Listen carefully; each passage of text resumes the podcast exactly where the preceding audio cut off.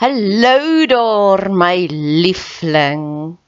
As iemand dit nog nie vandag vir jou gesê het nie, of al het iemand dit vir jou gesê, ek wil dit ook sommer vir jou sê. Ek is lief vir jou. God is lief vir jou. Die feit dat jy hierdie pot gooi luister, beteken dit God het groot planne vir jou en hy wil hê jy moet verder dink en groter dink. Hy is lief vir jou. Jou Skepper, die een wat jou gemaak het, die een wat jou die mees intiemste ken, hoor jou skree die Harry daar saam om saam te stem. Hulle sê ja. Hy is lief vir jou. As jy so 'n bietjie love deprived is, bid ek vir jou dat God oomblik tot oomblik vir jou wys hoe lief is hy vir jou. Dis hoekom al die van of al die briewe begin met soveel joy in die Bybel, nê? Nee? Gaan lees bietjie daardeur. Um Johannes skryf, ek hoop dat jou siel 'n skat ryk. Judas skryf, is nou Judas wat hy skryf, liefde is op pad. En ek dink is ook Judas wat praat van mag alles binne in jou jubel van blydskap want God is so amazing. En weet jy hoekom skryf hulle dit? Want hulle het dit ervaar en dit is soos daai liedjie I can't keep keep it in I have to get it out. En dis my seëning vir jou. Al hierdie verhoogde emosies wat ek ervaar, mag jy dit ook ervaar want ek weet hoe voel dit om daaronder te wees en dood te wees binnekant maar ek weet ook hoe voel dit om te vlieg soos 'n arend. Mag jy dit vandag ervaar. Dankie dat jy tyd spandeer op my kanaal.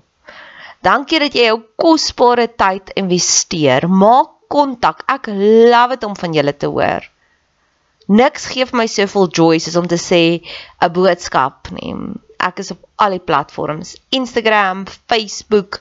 Stuur vir my 'n Facebook boodskap, Bet Seber en ek stuur sommer vir jou my selfoonnommer. Laastens, as jy wil betrokke raak, asseblief doen. Ek het altyd hulp nodig. Hulp nodig aan bemarking, hulp nodig as jy van jou tyd wil investeer in koninkrykswerk. Jy hoef nie net pannekoeke te bak by die kerk bazaar om koninkrykswerk te doen. Jy hoef nie net soos jy Jehovah getuies gaan klop aan deur om te sê wil jy deel word nie. Daar's soveel meer maniere. Geniet die podcast. Dis 3 minute. As jy as jy dit een keer geluister het en jy wil dit elke keer forward, ek gaan jou eer 3 minute. Ag, oh, meganies of organies. Dit is waaroor hierdie volgende stukkie gaan. Ek gaan hom ongelukkig in die Engelse een moet lees want hy praat nou met my. There is far more at stake here than religion. If you had any idea what the scripture meant, I prefer a flexible heart to an inflexible ritual. Who like a flexible heart?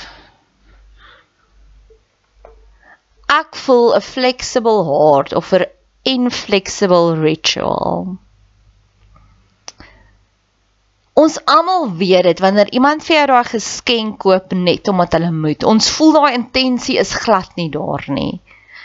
Hulle gee voor asof hulle alles perfek doen, maar daar's geen your heart and your soul is not in there. Wanneer iemand met jou liefde maak, maar dis net meganies.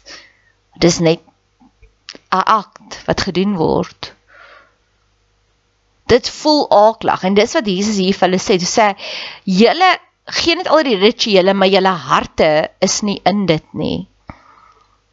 Hoe lyk dit as jou hart in dit is? Dis hoe dit lyk. Ek weet nie. Ek het vir 4 jaar lank 'n bediening gehad waarvoor ek vir 4 jaar lank gebid het. En op 'n dag het ek besluit dit is nie meer vir my nie, ek's klaar vir die afgelope 2 jaar weet ek nie. Ek weet nie wat ek doen nie. Met ander woorde, verlede jaar het ek groot planne gehad. Ek was 'n joernalis, ek het 'n show gemaak. Hierdie jaar het ek niks.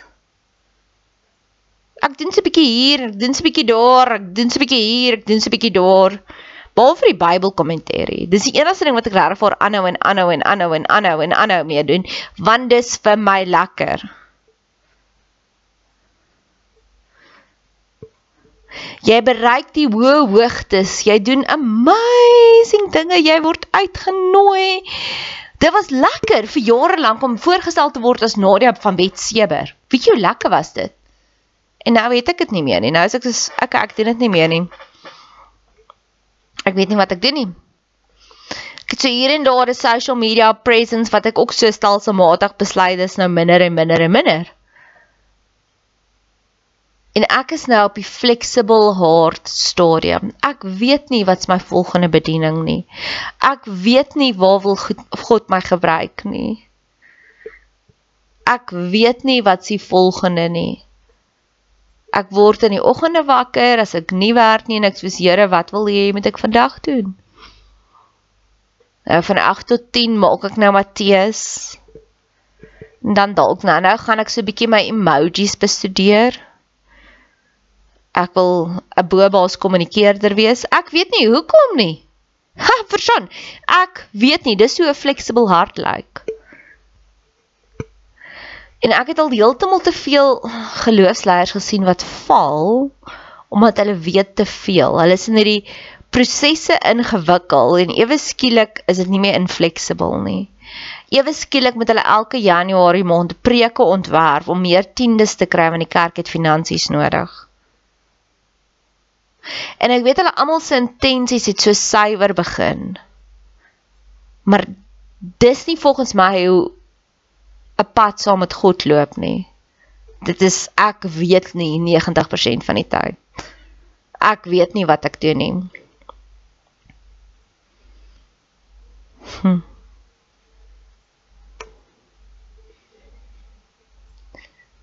Wanneer iemand vir jou geskenk gee, maar dis letterlik jy kan voel hulle hart is nie in dit nie. Versus wanneer iemand jou probeer manipuleer, dis ook aaklag. Here, ek weet nie wat ek doen nie, maar elke dag saam met U is 'n avontuur. Elke dag wat ek net 'n klein bietjie liewer vir U kan raak is vir my 'n satisfied life. En of U vir my duisende followers gaan gee en of U vir my niemand gaan gee nie, ek weet nie en ek sou kyk daarmee.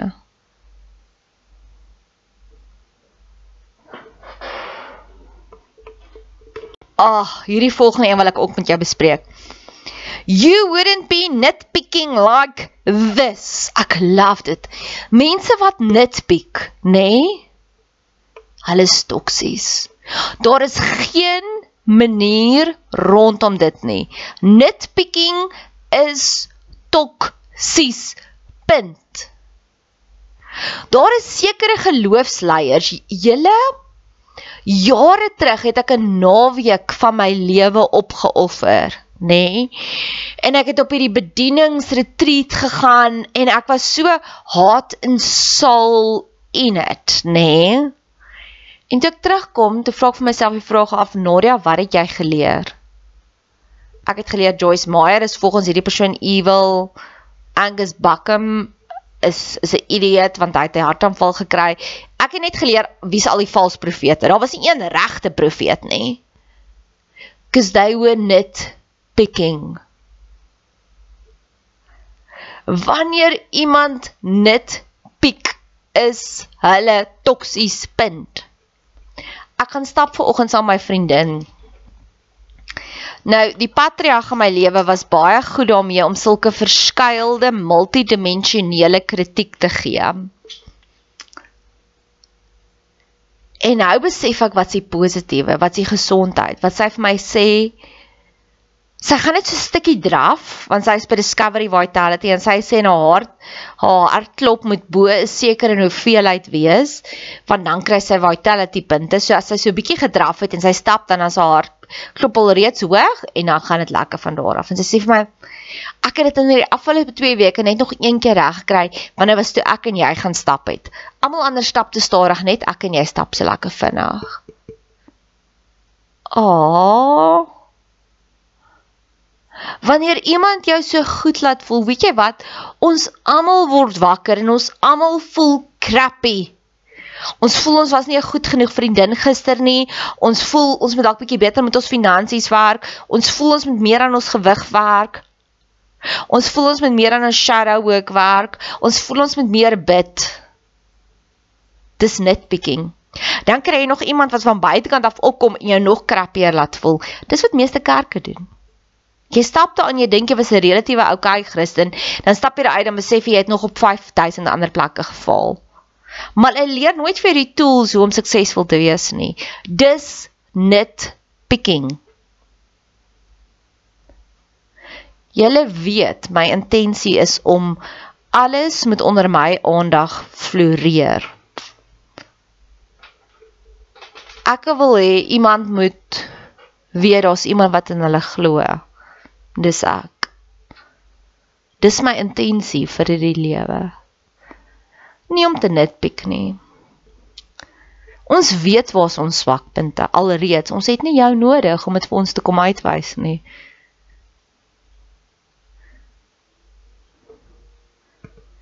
En iemand wat nog Jesus ontmoet het nie gaan nitpick. Dis die punt van die saak.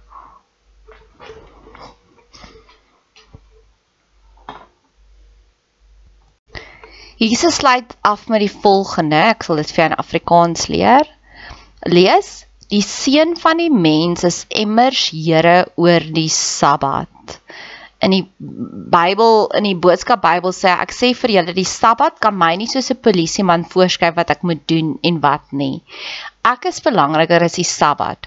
Daarop kan daarom kan ek eerder sê wat op die Sabbat gedoen mag word sodat die Sabbat regtig Sabbat kan wees. So 1. Jou aanvalle verklap jou grootste wonderwerke. Jesus het gekom om rus te gee. Hulle val hom aan oor hoe hy moet rus. Doen 'n opsomming van jou lewe. Kyk waarop word jy aangeval.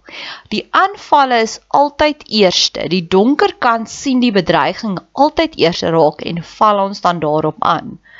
Ek is 'n healer. Ek weet dit. Dis waarvoor ek die res van die dag gaan dedicate om nog meer te leer oor healing. Maar weet jy wat my grootste uitdaging tans? My gesondheid. My gesondheid dryf my dan tot by survival mode. En ek weet dis alles net tekens, is broodkrummels. Ek gaan meer daarin intap.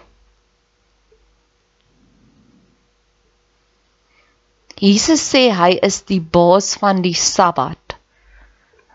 Ons is ook boss lady. Ons is boss ladies van ons tyd, van ons geld.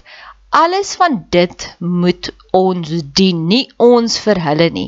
Dis is hierdie mense wat baie intens nou deesdae fokus op jou ego. Ooh, jy moet jou ego laat kalmeer. Ooh, jy moet jou ego laat sterf. Nee, jou ego moet jou dien. Nie laat sterf nie. Jesus het net nie gesê laat sterf die Sabbat nie. Hy het gesê nee, ons gaan die Sabbat aanhou, maar ons is die baas. Ons besluit hoe ons rus. Jy het soveel meer autoriteit in Jesus wat jy besef.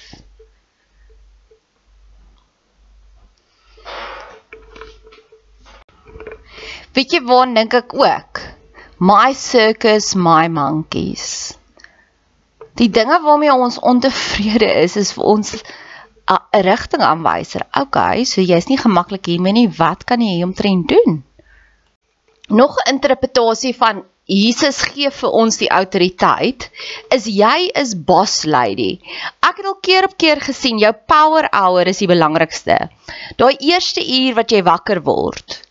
As jy dan lekker produktief is en besig is en dingetjies doen, dan daai hele dag is 'n baie goeie produktiewe dag jy vir hom stadig begin. So jy skep die ritme van jou dag. Dis 'n lesie wat ek oor en oor en oor en oor leer. Ek maak vir myself sulke mind movies van dinge wat ek graag wil hê. So ja, om te sê dis wat hierdie dag moet wees. Hierdie dag moet nuwe genesing wees, nog meer genesing. En dan ook goed. Die volgende gedeelte waar hy so praat waar hy kom Jesus kom in hierdie sinagoge in en daar's 'n man met 'n seer hand of iets is fout met die ding. Maar die mense, ekskuus, jammer, ek dink nie min van die mensies nie. En die fariseer sê vir hom, jy mag hom nie genees nie. En Jesus bou hulle uit, nê, nee, met 'n kushou, nê, nee, om so goed te kan kommunikeer. Dis een van my grootste gebeure. Here, gee vir my die woorde wanneer mense my byt. Want ek het weer Saterdag aand epically gefaal, maar in elk geval en hy sê vir hulle hoor hier dudes as jou bees in 'n gat geval het gaan jy hom daar los of gaan jy hom uithaal sê hulle nie ons gaan hom uithaal. En dan sê Jesus obviously op 'n Sondag of op 'n Sabbat. Sabbat is eintlik Saterdag. Obviously is mense belangriker as beeste. Nou kom ons gaan staan stil by wat's beeste.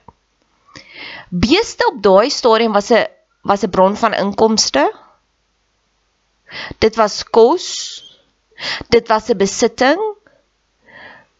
So as jou kar op 'n Sondag petrol nodig het, gaan jy hom volmaak. Ja, jy gaan. As jou troeteldier op 'n Sondag siek is, gaan jy hom vir jou toe vat. Ja, jy gaan. Nou dit gaan my verstand te bowe want daar's baie mense soos dit wat ek ken, nê? Nee? Ek dink daar's drie tipes van mense. Daar's die een mens wat regtig 'n goeie gelowige is en wat die liefde vir mense in hulle hart het wat net oorloop. Dan is daar die volgende mens wat sê ek is 'n Christen, maar ek hou nie van mense nie, maar ek's baie lief vir my honde. Nou dit volgens my jy's nie 'n Christen nie, want jy kan nie in God se beeld loop en nie lief wees vir mense nie. En die derde tipe mense is, o ja, ek is 'n Christen, kyk hoe seën God my, maar hulle is net materialisties. So hierdie is 'n reverse engineering gebed wat ek wil bid. Ek het baie trauma waarvan ek tans genees van die patriarg in my lewe. En hy hanteer sy bates beter as sy kinders. 3 jaar terug het sy Land Cruiser skade opgedoen. En hy het net daaroor gepraat en hy het die Land Cruiser van plek na 'n ander plek toe na 'n ander plek toe gevat om te fix en hy het duisende rande daaraan spandeer. Net ironies genoeg toe die ding reg is, toe verkoop hy die ding en koop 'n nuwe een. Nou ek is nou 'n stuk in 'n Land Cruiser tans. En hy's in denial. En dis wat ek wil bid. Ek wil hê God met daardie liefde wat hy het vir sy bates en sy besittings moet God verander in liefde vir sy kinders. Want ek weet my boeties kry net so seer. Hulle wys dit net nie.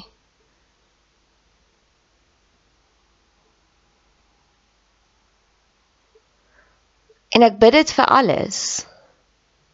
Hierdie mense wat so lief is vir hulle diere.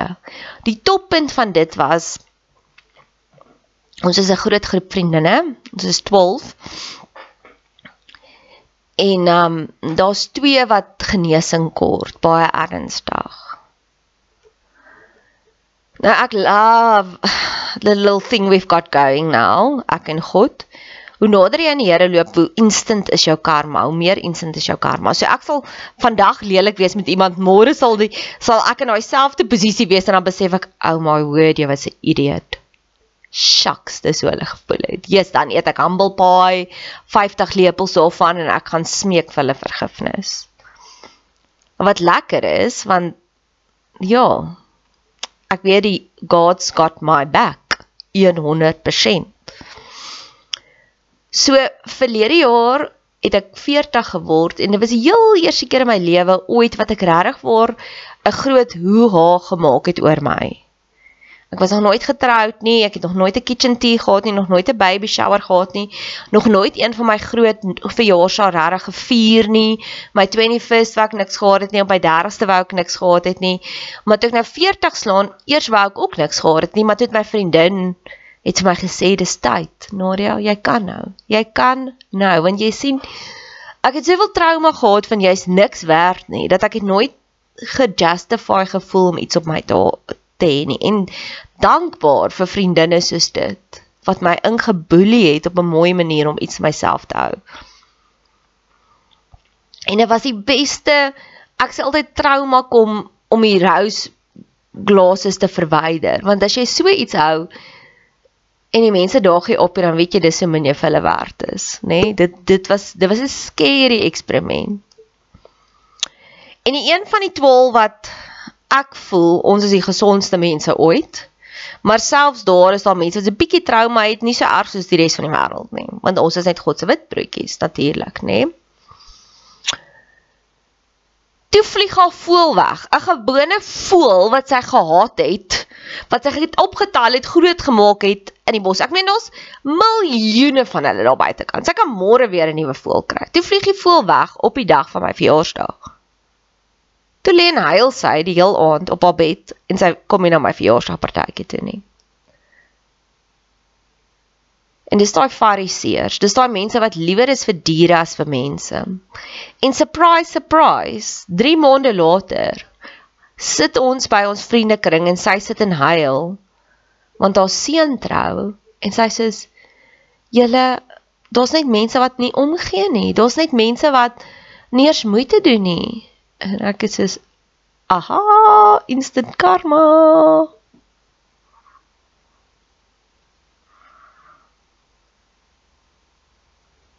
En nog een nog een in ons vriendekring vir wie ek ook sommer nou bid wat liewer is haar besittings. Dit gaan alles altyd oor geld met haar.